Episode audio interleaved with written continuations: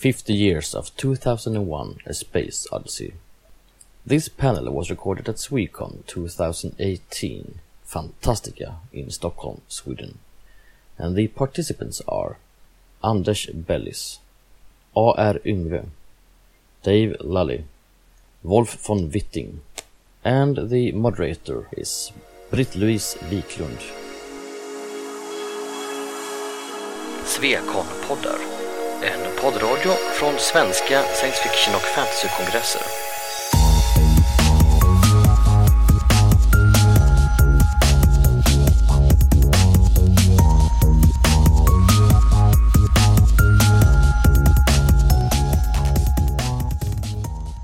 Welcome to the uh, 50 years of uh, th- 2001 A Space Odyssey. Uh, and uh, you are all enthusiasts about this movie, I think. Uh, and when when you do a panel like this, you usually start with a presentation. And I thought who you are is are not that interesting today. In this panel, it's more interesting to hear a few words at the beginning about your relationship and your thoughts about the movie we are going to discuss. So please, Bellis. Oh, am- am I actually to begin? You know what Yeah. happens? Yeah, but You know what usually happens? yeah, but I, I will take half an hour. yeah, but I'm I, I'm sitting close to you. Uh, the n- that is not. Uh, Okay, uh, but I'll, I'll try to make it a bit shorter though, 29 minutes. Uh, no, anyway, yes, my relation to this film is, uh, my, I'm Bellis, anyway. Uh, so uh, my relation to this film is basically that the first time I saw it, uh, I was maybe about 14 or 15 years old. And it totally blew my mind. It smashed my head. And since then, I've seen it maybe, I don't know, uh, 2001 times or something. Uh, because I do regard it as probably the foremost science fiction film ever made, together with Metropolis by Fritz Lang and Solaris by Tarkovsky. Uh, so those three I would regard as the preeminent science fiction films, this being probably the best one of them. And uh, I will uh, not keep on for half an hour now, but I will say the rest I have to say about the film as we go on through the panel. thank you, Dave. Uh, right, Dave Lally. Uh, most people in fandom know me, um, former chairman of the European Body of Science Fiction, and I ran video programs for lots of Eastercons in the UK, Octocons in Ireland, and I ran three Worldcon video programs. That was The Hague in 1990, those of you who went to that, um, and the two in Glasgow, 1995 and 2005. Film, television, and film. That's my particular area. Um, I was also I was very young when this film came out. Believe it or not, I was young once, and um, I remember it. And I've a lot to say about the production, the background to the production uh, of the film later on, and that's why there's stuff on display down there about MGM Boreham Wood Studios, which is where it was filmed.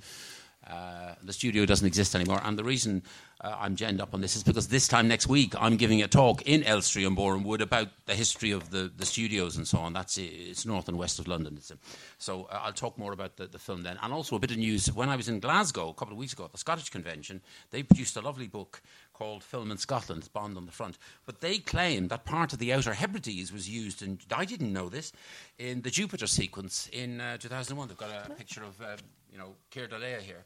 We'll talk about that later. This is a new bit of news I didn't know about until I read this book. Fascinating. So, move on to. Yeah. I'm Wolf. I publish a fanzine online for free, uh, four times a year, Counterclock. The next issue will come in September. I've taken a half a year break. Um, of course, printing it is not for free, especially not if you want it in nice colors. Anyway, uh, next issue will be full of uh, reviews of film. Uh, all the films that uh, most people haven't heard about uh, because the spotlight is on crap usually, like uh, the Black Panther, uh, the things which young people go for, what they spend money for. In in those days, well, I can't claim to have seen the film 2001 50 years ago, but it's been a very important film for me throughout my life, of course. And uh, yeah, I'll come back to that later as we proceed. Yngve. Yeah, A.R. Yngve, writer and clown. Uh, I, the first time I saw 2001 was when my mom took me to the cinema when I was eight, perhaps nine years old, and like Wow. with Bellis, it blew my mind and probably led to me much later becoming a writer. Uh, uh, loved it ever since. Uh, I love the way how it fused music with visuals. That's been a very big influence on cinema ever since.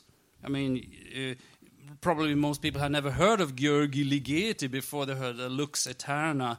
Those oh things. I mean, it still sends a chill down my spine. I hate it. uh, it, it's, uh, but, but also the, the, the movie made this, the opening from Strauss also sprach Zarathustra uh, like a, a cliche in culture. It's been parodied by Mel Brooks uh, in the movie History of the World Part One. Watch that sequence, you'll laugh. But oh, did you know that everything else in that music by Strauss is crap? After that monumental opening, it just descends into sentimental nonsense. It's, it's very strange that thing. Um, uh, I'm going to argue that um, uh, the movie is still great. Aesthetically, it's almost perfect, but you can debate whether it is a triumph of style over substance, uh, and um how the, it's a story about transhumanism or posthumanism. Uh, but the thing is, the movie suggests more than it actually says, which is, of course, uh, very good for art because that leaves a lot to the uh, viewer to interpret. And perhaps that's made it such a lasting work of art that it doesn't say everything, Yeah. like the book does, that explains everything. Bellis? I, I would, in a sense, uh, want to um, disagree on that point. Uh, I have not read the book, uh, actually, unfortunately, but I've seen the film uh, that many times, as I mentioned. And I have, on frequent occasions, uh, met people who claim that they don't understand the storyline in the film. Uh, this, to me, is absolutely amazing because the storyline is so simple. It's, go- it's a good storyline, but it's very, very simple. Yeah. I mean, what happens is aliens put these monoliths on Earth uh, during the Stone Age. These monoliths uh, educate the Stone Age people, the, the apes, mm-hmm. into becoming us humans. Hmm. When we have developed far enough to be able to pick up a signal from the moon and to go to the moon, hmm. uh, we get that signal, we go to the moon. Then we will get another signal from the same aliens hmm. from Jupiter, and we send a spaceship to Jupiter. Uh, they they foresaw all this. They they realized that we would be able to. Then, as the spaceship is sent to Jupiter, there is a bit of a problem with The a discovery, computer. yeah. A, a bit of a problem with a computer. But when that problem, as as you know, there are always problems with computers. They never work. Uh, they never work like they're supposed to do. And so, uh, in that sense, Arthur C. Clarke and Stanley Kubrick were right as well. Uh, but when uh, Keir Dullea, um, Baum, what's his name in the film again? Bauman or something. What Bauman. Dave Bowman. Dave Bowman. Dave Bowman. Bowman, yeah. So as Dave Bowman has fixed the computer, he actually gets sort of taken into the final step of what these aliens have to do. And what we see in the final scene of the film is this enormous, as you know, gigantic baby uh, in space out, you know, floating around or something. The Star Child. Uh, The Star Child, yes. And this is, of course, in a sense, I agree with Alf, and in a sense not, because uh, this is open to interpretation, but not really, because what the Star Child is, is the final stage of mankind. This is the way, this is what we will become. But we, as humans here, as we are now, cannot understand what this final step is about. It is too advanced. Uh, this Star Child is far above anything of, uh, it's totally outside of our conception. So we are not even meant to understand what the star child can do or what the motives of the star child are and so forth. Comments? Yeah, uh, I uh, I know we we shouldn't trust everything we read on the internet, but I I checked uh, Internet Movie Database about uh, 2001. It said that when Rock Hudson came out of the cinema, he. Will somebody tell me what the fuck this movie is about?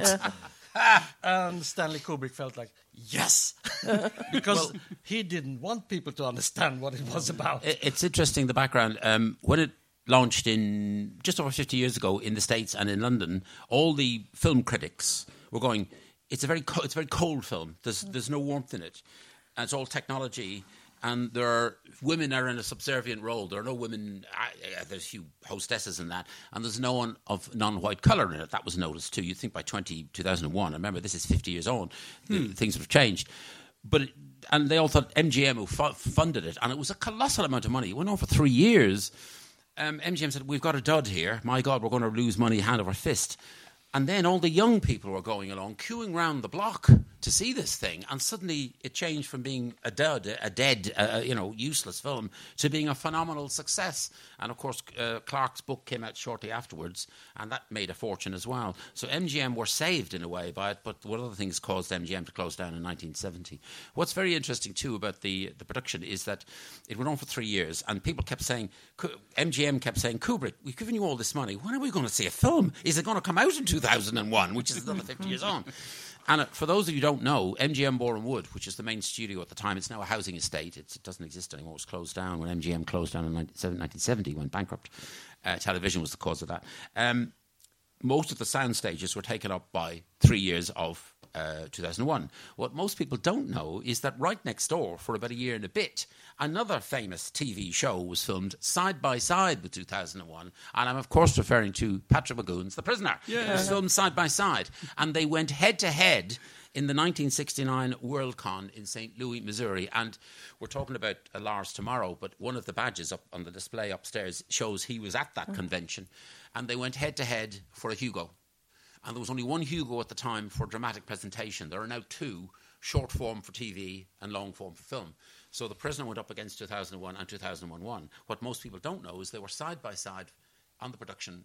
You know, the- they're an MGM for a while, 67, 66, 67, 68. Of course, MGM 2001 was there for longer, but most people don't know that. Two of the biggest cult shows of all were there. As far as 2001 a, uh, a, uh, a benchmark is concerned, yes, for me it is a benchmark film. But MGM got two benchmark films. An earlier one, 1958, is of course Forbidden Planet, a mm. classic film as well. That was filmed on the Culver City lot in MGM in America with the beautiful Anne Francis and, and all the others. Um, and that's a benchmark film too in many ways. Some Do would also say the day the earth hold still. is another one. When it comes to the production, as Dave said here, uh, it, I mean, it, it took nearly 50 years to make it. You know, Uh, not well, three years anyway. That Three is years. that that is there is actually a quite interesting book about this because Arthur C. Clarke wrote a book called The Lost Worlds of 2001, and this uh, I've read it, and this is a book about the filming the production of 2001: A Space Odyssey. It turns out, and you may or may not know, but the, the film is not based on the book. They were written. Uh, uh, they were written at the same time. He was writing the script for the film as they were shooting. He was writing new scenes every day. Uh, Stanley Kubrick discarded most of them and said, "No, we can't use that. We can't use that. Go back, write something else, write something new." And he did, and he wrote the book at the same time.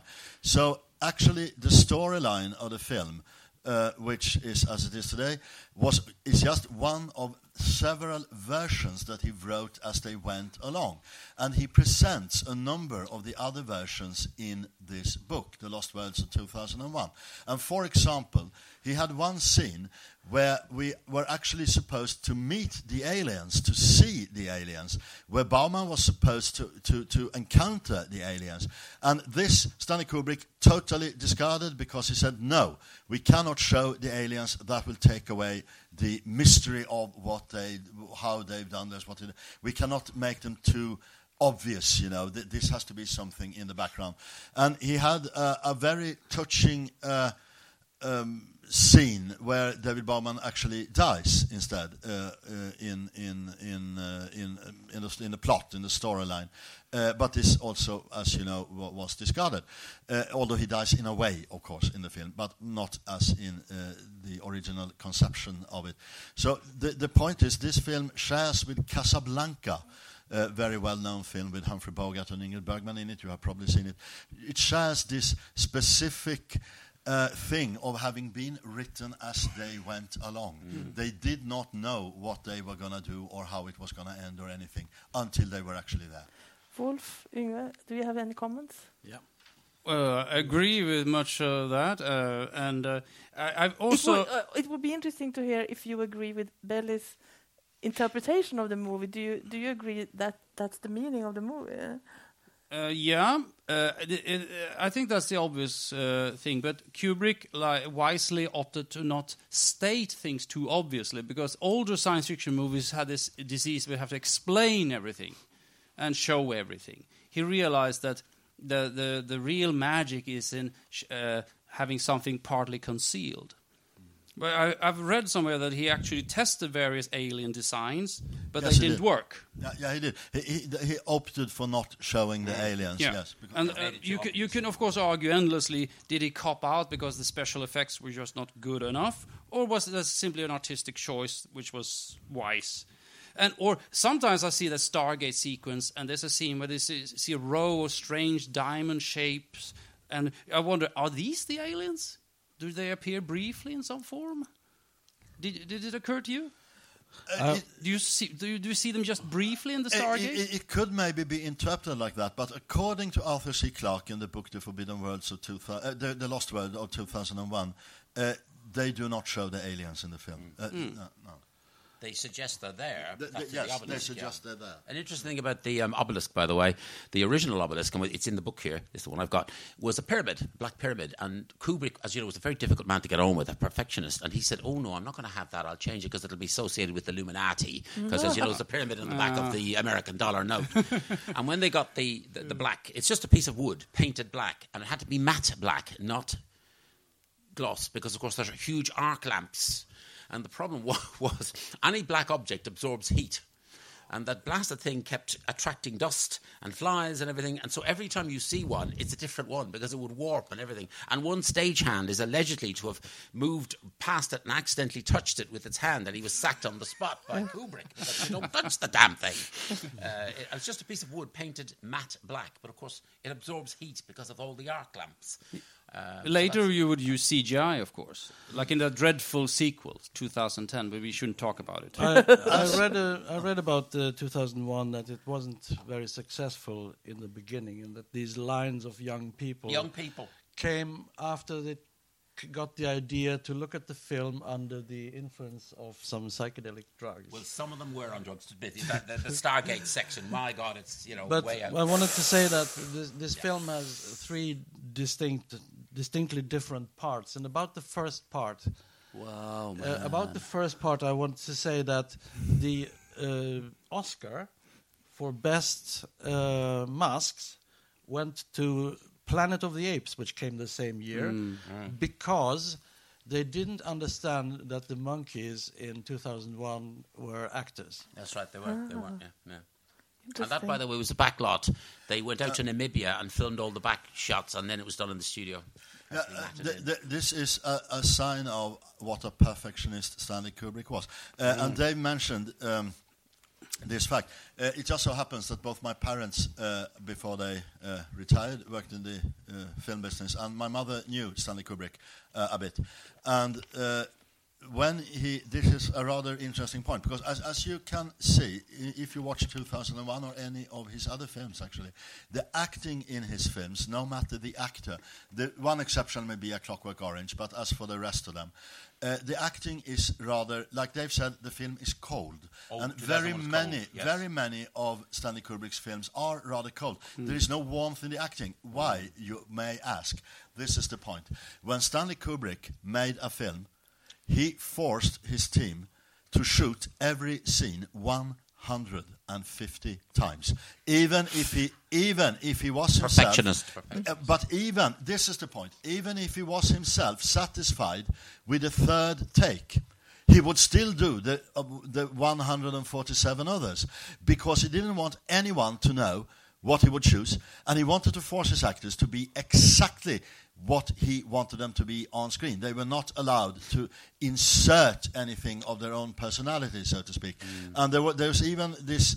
Uh, th- there's this story about him having an actor just walking through a room in another film. I can't remember which one. Uh, uh, and he, even this little scene, this little shot, you know, for a few seconds only, had to be done 150 times. And Stanley Kubrick shouting at the man, "Walk properly! Don't walk like that! Walk properly! You know, you have to walk this way." Blah blah blah. Another aspect of 2001 is the detail. Phenom- phenomenal amount of detail in the background of every shot.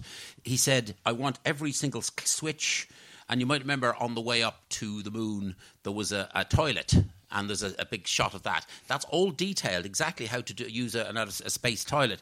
He said, I want all this detail there by the, the stage hands to print it all out and so on, just in case I want to shoot close up.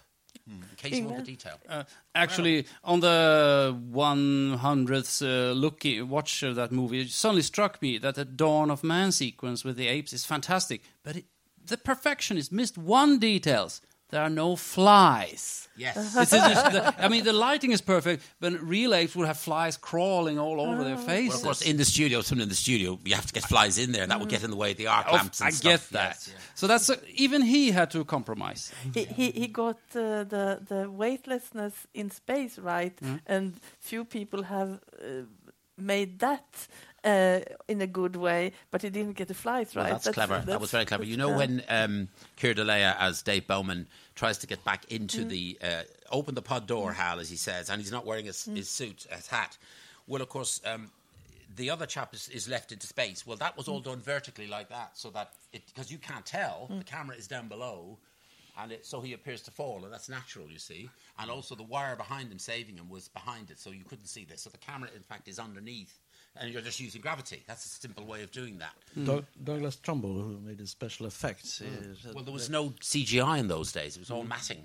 he would have liked, like in Star Wars, to have the spaceships going like boom as, as uh-huh. they go in air, but they couldn't do that because they were hung up on hmm. threads. So they could just make them go naturally as they would in space, and Yeah, they used gravity. yeah. yeah. Still, the movement of shi spaceships, uh, you have to make an artistic choice because movement movement in space is different from the movement on Earth.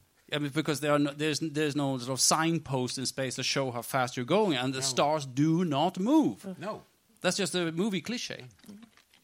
Do you do, do you agree that the movie is cold? It is cold. Yeah. Be- be- a shadow of because I, I was I was thinking there are some very emotional moments like the the the, the bone being thrown up in the air And the, or the jump cut to the.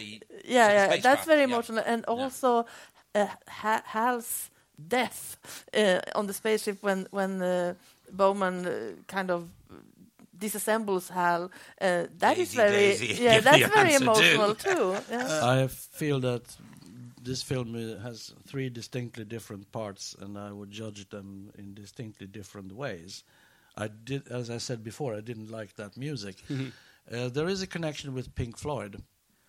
Um, uh, the if you listen to, uh, if you put on uh, echoes of, of the record Oh, Echoes, medley, That's on the side of Meddle. Yes, the back of Meddle. for the third part, you would have, uh, if they would have put that, uh, there is actually on on YouTube. You can watch it with echoes. It fits in exactly in length. That would have made it a lot better because I feel the this uh, psychedelic part it sucks. You could actually have used Rolling Stones. In 1967, they released the album uh, Their Satanic Majesties Request with a very spaced out song, uh, 2000 Light Years from Home. It would have fit perfectly in But that movie. but since you have the book, uh, it wasn't. Is it true that uh, Pink Floyd was considered? Have you? s- Not No, my knowledge, no, no, no, no. He wasn't sure what the. Oh, and there's the thing about Ligeti. Um, when you see the obelisk, you hear this high, shrill sound rising, and that's Requiem by Ligeti, a v- not very well known composer at the time. And he used it pl- alongside uh, the, the, the, the Blue Danube and so on, which is Mo- Mozart, isn't it? Yeah. Um, No. and Strauss. Sorry, Strauss. Strauss. Sorry, I knew it was someone up there anyway. Um, but it seems that Ligeti didn't know his work was being used until the royalties started coming in. And at the beginning, he was slightly annoyed because he should have asked. But when the royalties started coming in hand over fist, he didn't really mind too much because he wasn't a very well-known composer. He's very well known now. What, d- and uh, that's the high shrill sound as the, as the you know voices I- reaching a crescendo. It's called Requiem by Ligeti. Th- there is a detail here. Britt-Louise mentioned the. I suppose that most of you have seen the film. You know, the bone thrown up Yeah. in the air Yeah. that turns into a spaceship. That came about because one day, as they had stopped shooting and were walking out of the studio, the whole team were walking out. A few members of the team just started joshing around with sticks found on the ground that they began throwing up in the air, and who can throw it uh, the highest or whatever, you know. And Stanley Kubrick saw this. Uh, according to Arthur C. Clarke, he picked up a stick of his own from the ground and threw it up and said, we have to have this in the film. you write about a bone now. You write a scene with a bone that turns into a spaceship. So it just it came about just by pure happenstance. He saw this. He saw them throwing these sticks up in the air, and he saw the sticks twirling around like that, and he got the idea for the bone. So this was pure happenstance. Do you have any kind of information on how he had planned to do that transition from the Stone Age to the Space Age Uh, no, before he? he, he Uh, no, I, I, I doubt he had maybe. I, I doubt he'd even.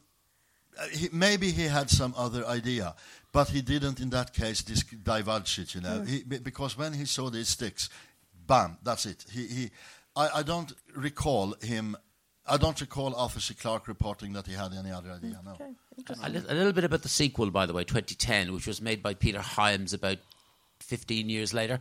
The CGI, of course, was great in that, and they go back to the discovery on a Russian spacecraft, which turns, I think it's called the Leonov or something, and Helen Mirren and Roy Scheider. What's interesting in that, by the way, just as an aside, at the beginning of the film, you'll see a, a long shot of the White House in the background and a, a bench, a park bench, and the two guys on the right are talking about going back to Jupiter to find the uh, the discovery. The gentleman on the left in the park bench reading a newspaper is Arthur C. Clarke. For those who don't know that, yes, and he also appears in a picture of the as a picture, still picture somewhere in the beginning of the film. You'll have to slow frame it on DVD uh, as the American president. He's a little cameo. He doesn't say a word, and he's just sitting there, and that's Arthur. Of course, that was much later on. Just a little cameo. Uh, could we please agree not to n- not to talk too much about that movie because I consider it just uh it, it, it can't hold a candle to 2000. no. It was But I, I think the, the, the ending, the, the last scene with the monolith standing on Europa, I think it is, is Over the bed. Yeah. no, I- no, the last scene of the second movie. Oh, the second movie. Yeah, the last scene there with the, the monolith standing in uh, a swamp on Europa because they have this All seconds. worlds are yours uh, except yeah, Europa. Yeah, yeah, You mustn't go near Europa. yeah. that's That, what that's it says. Yeah. quite emotional, I think. Yeah, I like that. Yeah. But there was something else I was going to mention. You could actually, if you want to have fun, look at the store uh, 2001 as a story about the ascendance of technology. You know, the bone is the birth of tools. Then later, the tools have evolved into intelligent machines like HAL. Yeah, but this was the point. This And is the- the point uh, Stanley Kubrick makes. Yeah. That's what it says in The Lost Worlds of 2001 uh, by Arthur, Arthur C. Clarke. He wanted to show that the most important thing was Hmm. actually this bone because the ape suddenly realized he could It use it as a It was a weapon. Yeah. It was a weapon. Of It course, was- it- of course, that's a use it breakthrough, yeah. And what Stanley Kubrick says is that that discovery was the most important discovery ever made, Yeah. and the rest are footnotes. Even the spaceships are footnotes because but my- this uh, thing was the most important Yeah. development. But, but you my, know. my, wait, I didn't finish. It means that the protagonist, you can say that that's why the humans are so robotic in this story because they're not the real protagonists. Technology is. in a sense, yeah. It dies tragically in the story. But isn't it interesting then that uh, Kubrick uses the bone not as a tool for defending yourself against um, wild animals or, or doing something else? It's a tool for killing another It being. Uh, is i uh, do you think that has some kind of meaning because he could have chosen the bone But to be it, used is it for not something else? suggestion that the obelisk standing over them gives that particular ape, it's a man inside, a, a, the knowledge, say, hey, this piece of bone is a weapon, and I can and you see him yeah, crush. but but he he could have have used the bone for something else uh, than killing another ape, Yeah, another because being. remember, he was in retreat from the other one earlier. yeah, yeah. Remember, he But was but I mean back 'cause he the, the the the person writing and and uh, doing the movie could have chosen the bone as a, a tool, but not a tool for killing someone. In fact, there are a Uh, number yeah. of deaths in Yeah, that. but, yeah, but wait, wait. In, in what sense? Because I mean, these were apes. They were not actually. Um, they were not actually producing anything. They were not making anything. They weren't you know. sentient. No. they weren't no. sentient. They, yeah, weren't they- yes, sentient, that's right. So I mean, basically, at that level of evolution, which is also true, uh, what you did in order to survive was to kill. Uh, that that was the. I mean, I mean, th- th- th- like animals do, and and so this is the only thing he could have used the bone for. He you know. could have killed a, uh, a wild animal Oh, but attacking he, him. but but it, it's sort of it's hmm. sort of it is implied, of course, It's actually that this is what hmm. he will do. This is what they hmm. will do. This is implied. He rea- when when he smashes all the other bones with this bone he's got in his hand, you rem- he's ecstatic. Do you remember this scene? He's absolutely ecstatic because he realizes that with this bone he can accomplish any number of things. You know, that, and that's he becomes ecstatic and he smashes all these other bones on the ground. You know, because he. he, he, he yeah, Rolf, Uh, Rolf, Rolf. did you want to make a comment? yeah, uh, wait, wait, wait. Opa. Oops, sorry. He's- Mean, meanwhile, I, I said that the, what we just talked about reminded me of an old German story about the in the far distant future, the version of creation will be a cog, cogs, nuts, and bolts drifting in a pool of oil. Okay. Yeah, that's working. It seems to me that as as this scene stands, it actually is what makes this film into a smashing uh, uh, movie. Are are you talking about the bone scene? Yes. Uh, and, and it was it, it it. I couldn't hear what you said the last. That i- the scene as it stands makes this film into a smashing movie. Oh, Smashing. Thank There's a lot of death in it. Think about it. Hal destroys all the people inside the Discovery except the two astronauts who are on duty. Everyone else is killed. You see the life systems critical and then horizontal, and that's it. They're all dead. Hal destroys them. It's terrible. All this violence in the media. Um, do you think? I mean, as as you mentioned uh, early in this uh, discussion, some people found the the movie boring, dull, plodding, slow. Uh, do you think there is some truth in in in those uh, comments? It's a co- it's cold. It's a cold film. That Yeah, certainly is. Ingvar? Well, a- after the disappointing op- uh, f- uh, premiere, he actually Kubrick actually did cut down the film by a few minutes. Uh, that yeah. probably helped. So, uh, uh, I mean, the Stargate sequence does tend to go on a bit long, doesn't it? Let's be honest. Yeah. Yeah, I, I agree. Um, the the two things which had an enormous impact on me about 2001. One was the the feeling of uh, accuracy about the, all the space scenes. So that has had an enormous impact, and uh, the moment when uh, when Bowman is um, disconnecting Hal, my mind is going Daisy and all that. Well, uh, yeah, that was that had an enormous impact. But but uh, a lot of the film, yeah, uh, yeah, the the the monkey scenes had a certain beauty, so you could enjoy that. In, interesting too, um, when they're still aboard the Discovery and Hal hasn't gone mad, you'll see lots of visual displays. Now, in those days, there was no CGI. And do you remember when Hal says, um, Dave, there's a small problem with the C353 uh, big uh, dish that's going to go wrong? And he shows a, a graphic of that. Well, that well, there was no such thing as graphics in those days. It seems what they did, according to the books, is they filmed it on a white wire and, and filmed it from all various angles and then just played that on a screen in front of the camera. Because it wasn't a digital thing at all. It was no digital. And, you know, it says this thing is going to go down, it's going to go wrong, and they have to send the other chap out to fix it, and that's where he dies, if you remember. The, Yeah. Yeah. Uh, as It was for all done. as for your uh, uh, okay, yeah, as for your question about the film being slow moving and so forth, uh, I would actually there is a point here. If you consider Forbidden Planet, which the, Beautiful some of film. you beautiful film, fantastic film, some of you may have seen it.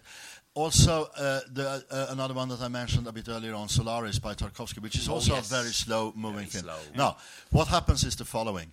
Uh, these three films are a few of the examples of science fiction used on the screen for what science fiction is really for, namely ideas and speculation. You know, the, uh, uh, you you try to uh, hypothesize about.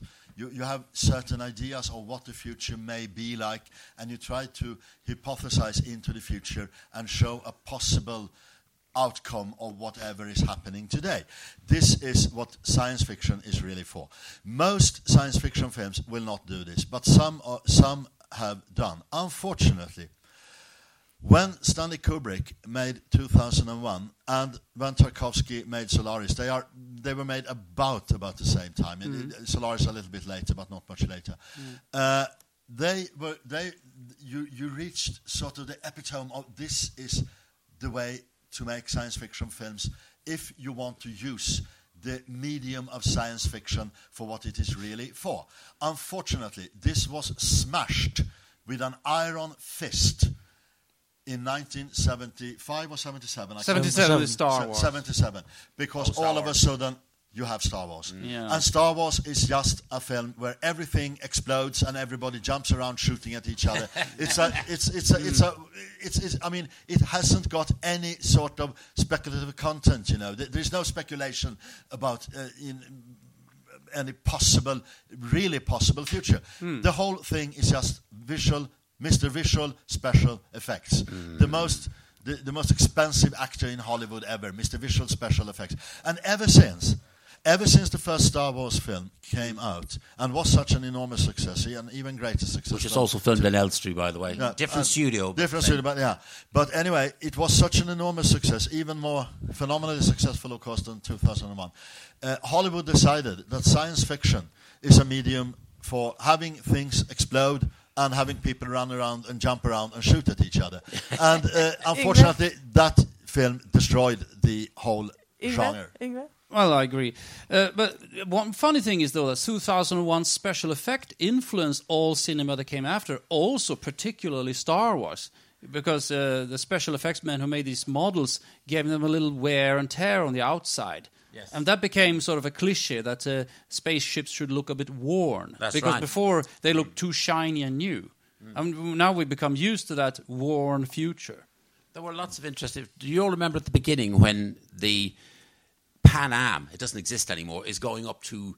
Yeah. The, and in it, you'll see the lady who was wearing a Pan Am uh, logo, and she walks out with a tray, turns right or left, I can't- and takes one step forward, and eventually she appears to walk upside down and go in. Mm-hmm. Well, that was very cleverly done. Every time she took a step forward, the camera moved the other way direction. So, of course, the camera, of course, is now moving as she is. She's standing still, and the whole thing is rotating. And of course, you see it visually as though she turns upside down and walks into the room. That was the way that was done. You know, digitally, you could do that now, but you couldn't do that. All clever little techniques, you know. I'm, I'm gonna stick out my neck here so you can bite my head off, and I will say that I disagree. That I disagree that Star Wars killed science fiction. It just made it in a Um, new direction. That's I, all. yeah, no, no, no, no, no, not at all. Uh, I often say that I'm responsible for what I say. I'm not responsible for what you understand. And uh, science, uh, Star Wars was a fairy tale in space, and that's Yeah. what, what it was meant to be. Father Yeah. and son, we know. And yes. and uh, yeah, some feel that oh, there is this uh, the force, the dark side of the force. if you go to Star Wars for philosophy, then uh, yeah, well, you're you you can do that, but uh, there are more serious uh, books on on the on the topic. Star Wars did, on the other hand, uh, give more money to to science fiction films, and it gave it the possibility to make uh, more Classic films. classic films. And Such as The Matrix, which is, you know, superb. The first one, not the rest of them. yeah, it it followed Aliens, Blade Runner, Alien, yeah, Aliens. yeah. Blade Runner. Blade Runner, and for me, the John Carpenter's The Thing, by the way, which Yeah, film. I like So uh, I would say that uh, the uh, effects of Star Wars wasn't entirely negative. And um, I, when I researched before this panel, I found the comment. Someone said that um, 2001 opened up for more intellectual m- science fiction movies like Close Encounters, Contact, Interstellar, and I would I would add Arrival. I think. Uh, Arrival, yes. yeah, yeah. So uh, even if uh, Star Wars came into science fiction uh, some years later, there is still an influence from 2001. I found it interesting that uh, Kubrick did some get some criticism already when the film was new that women were shown only as assistants and stewards and hostesses and secretaries. that, I yeah. thought it, I, I, I, it was um, refreshing to hear that people even then realized it. But I think that was intentional on Kubrick's part. Was that a part of some sort of theme in the story? The, the, the, the only odd thing about that is if you remember when the chap is going up to the moon, he's met by some Russian scientists and they're ladies, they're women, and they ask what's going on in the Clavius area. Uh, they, they know there's something odd going on there, and of course he can't say anything about what they found. Yeah. And they're Russian scientists. Uh, they're the only Russians that appear to have a. They're not hostesses, you know. They're actually serious. But isn't that, scientists. I mean, I mean, something you f- find with lots of science fiction that you can extrapolate a technological advances, but you you fail to The extrapolate side. Yeah, the like human the side, yeah yeah. yeah exactly. So I mean, that's a common problem with And, science and fiction. earlier yeah. I said there's no one Yeah. of non-white in it at all, Yeah. as I can think. There's a single person who's non-white in that Um, film at all. but but uh, let's say if, if one of the astronauts on Discovery had been a woman, would the movie have been any fundamentally different? Would it still be the exact same story, basically? Yeah, I know. Because 2010, which you don't like, uh, Helen Mirren is one of the scientists in that. you That's know. not what's bad about the movie. well, I don't know. She was one of the scientists. What? Uh, how do you Roy think? Scheider is the other one. We, we we have been. I mean, there are lots of stuff we could discuss, but with running out of time, we could discuss the music and the uh, Have the we done that? yeah a, a little bit, uh, and the f- the fact that the movie is very has very little dialogue for such. a- Very uh, little. Yeah, Yeah. and uh, that's interesting too. But uh, we've also discussed that it's been seen as cold and boring. Uh, Boring, uh, yeah, yeah, but uh, Th- Those some. are different things. Yeah. Because Yeah, yeah, cold yeah. means lack of yeah, yeah, emotional yeah, yeah. content. I, which Bellis, does not I mean understand. boring. Yeah. B- Bellis, I understand that, but criticism uh, of the movie has mentioned both cold and Mm. plodding and boring. Uh, and h- how do you think does this movie hold up for a young person today? I mean, they are used to the, all these uh, superhero movies, very fast cutting, very fantastic special effects. Would they appreciate 2001? You have to ask them. yeah. Wolf? Wolf? Well, uh, depends on the young person and uh, the intellectual capacity of this young person, doesn't it? I have two answers. One, the, it will, a, good, a good work of art will always find its audience. Two, you know how Hollywood is. They- They can't keep their grubby little hands away from making. They're going to do a remake, and I'm, I bet it'll be Michael Bay's God, 2001. Terrible. Yeah. Well, I should think Kubrick's estate will try and stop that. You know. Um, any closing words from anyone? I think we at the end and have a Ah, few there's a hand up for questions. questions. Yeah, Question. yeah. Um, Do the questions. Yeah, we can do that. Uh, I need someone to help me with this because I can't run around with. One, two, three. Okay. What do you think about the books 260, 2061 and 3001? Have you read them, and what's your thoughts? I read it. That was the third. Was that the fourth book or the third book? The 2031, and there was Uh, Two- a 2061. 2061 is the can't remember. third, and 3001 is the fourth. Yeah, but only the two were made, 2001 and 2010. Yeah. They never made any And further they ones. have sold the rights to, I don't know what, to do something. Yeah. With, and uh, I don't can know what's still be gonna- made. The CGI is the digital stuff is there these days. You can do that. I've read. I've read all the books. They're not. I mean, I, I can't remember the the the. the 2031 and 2061. yeah. No. no. I mean, the digital stuff has got so great now that even slightly off topic here, Harry Harrison, an old and dear friend of mine, the stainless steel rat, he sold it every few years and got lots of money back. And then it, it can now be made because of digital stuff. They can do it now. Just so digital has gone so far in advance now, they can do that. You know? But Hollywood's anything. brains haven't advanced one inch. It's the story is important, not the, the effects, of course. We had another question. Yeah. Uh, I saw the movie when I was 10, I think. It was slow, it was boring, but it was beautiful. and I've been thinking while you've been talking here uh, is it possible that Kubrick's perfectionism sort of kills that work of art a little bit because it becomes too perfect? And uh, a second question with is more a comment. I, the movie is not about interpersonal relationships at all. I, it's all about the development. Yeah. Uh, yeah, uh, uh, yes, the, the, the, the latter part of what you said, I think, is basically a, a, a true statement. It, it, it is that's what it's about.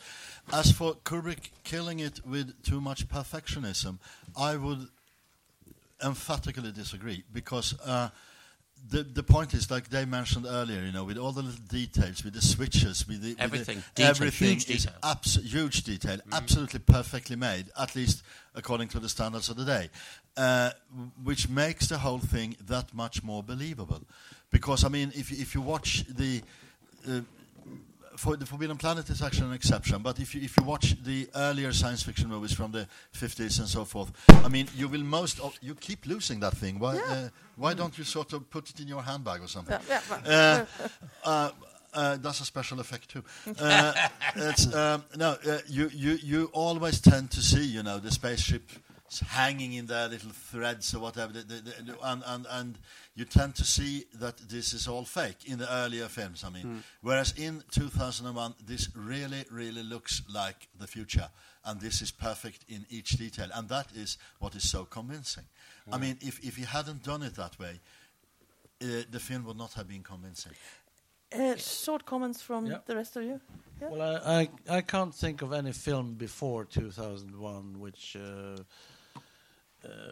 really put science fiction in the foreground in cinema. So uh, The it pa- technology, especially. it Technology, paved the way for more film with a budget, uh, as opposite to B budget, which were the- Huge the, costs. 50s. huge costs. So it it uh, it was groundbreaking, and, and it paved the way for And expensive for MGM. Things like. Star Wars Yeah. also. Well, that was low budget. The first Star Wars, as you know, was supposed to be a one-off. Final comment. Uh, if you read the the novel by Arthur C. Clarke, or if you read Arthur C. Clarke's previous novels like uh, Childhood's End, you can see there's a shared theme about uh, uh, uh, uh, transcendence and religious mysticism, which is so so peculiar of Arthur C. Clarke that he can blend hard science with actually rather new ages uh, thoughts about aliens as almost like angels who are giving, bringing transcendence to man. So the movie has a religious undertone, but it's not, it, it, it isn't overstated because then it would fall apart. And, and that is a, a theme in uh, Arthur C. Clarke's work too. And if you want to see something really boring, you can watch the film version, the trilogy of Childhood's End. There is one? yes. Thank you for that. Thank you, gentlemen. It's a wrap. It's a wrap. It's a wrap, as they say.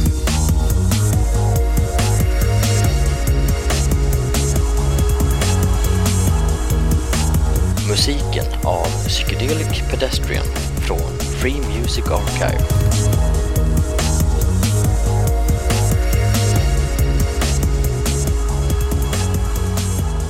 Besök gärna vår hemsida på svekonpoddar.se. Open the podbay door, Hal. Open the podbay door, Hal.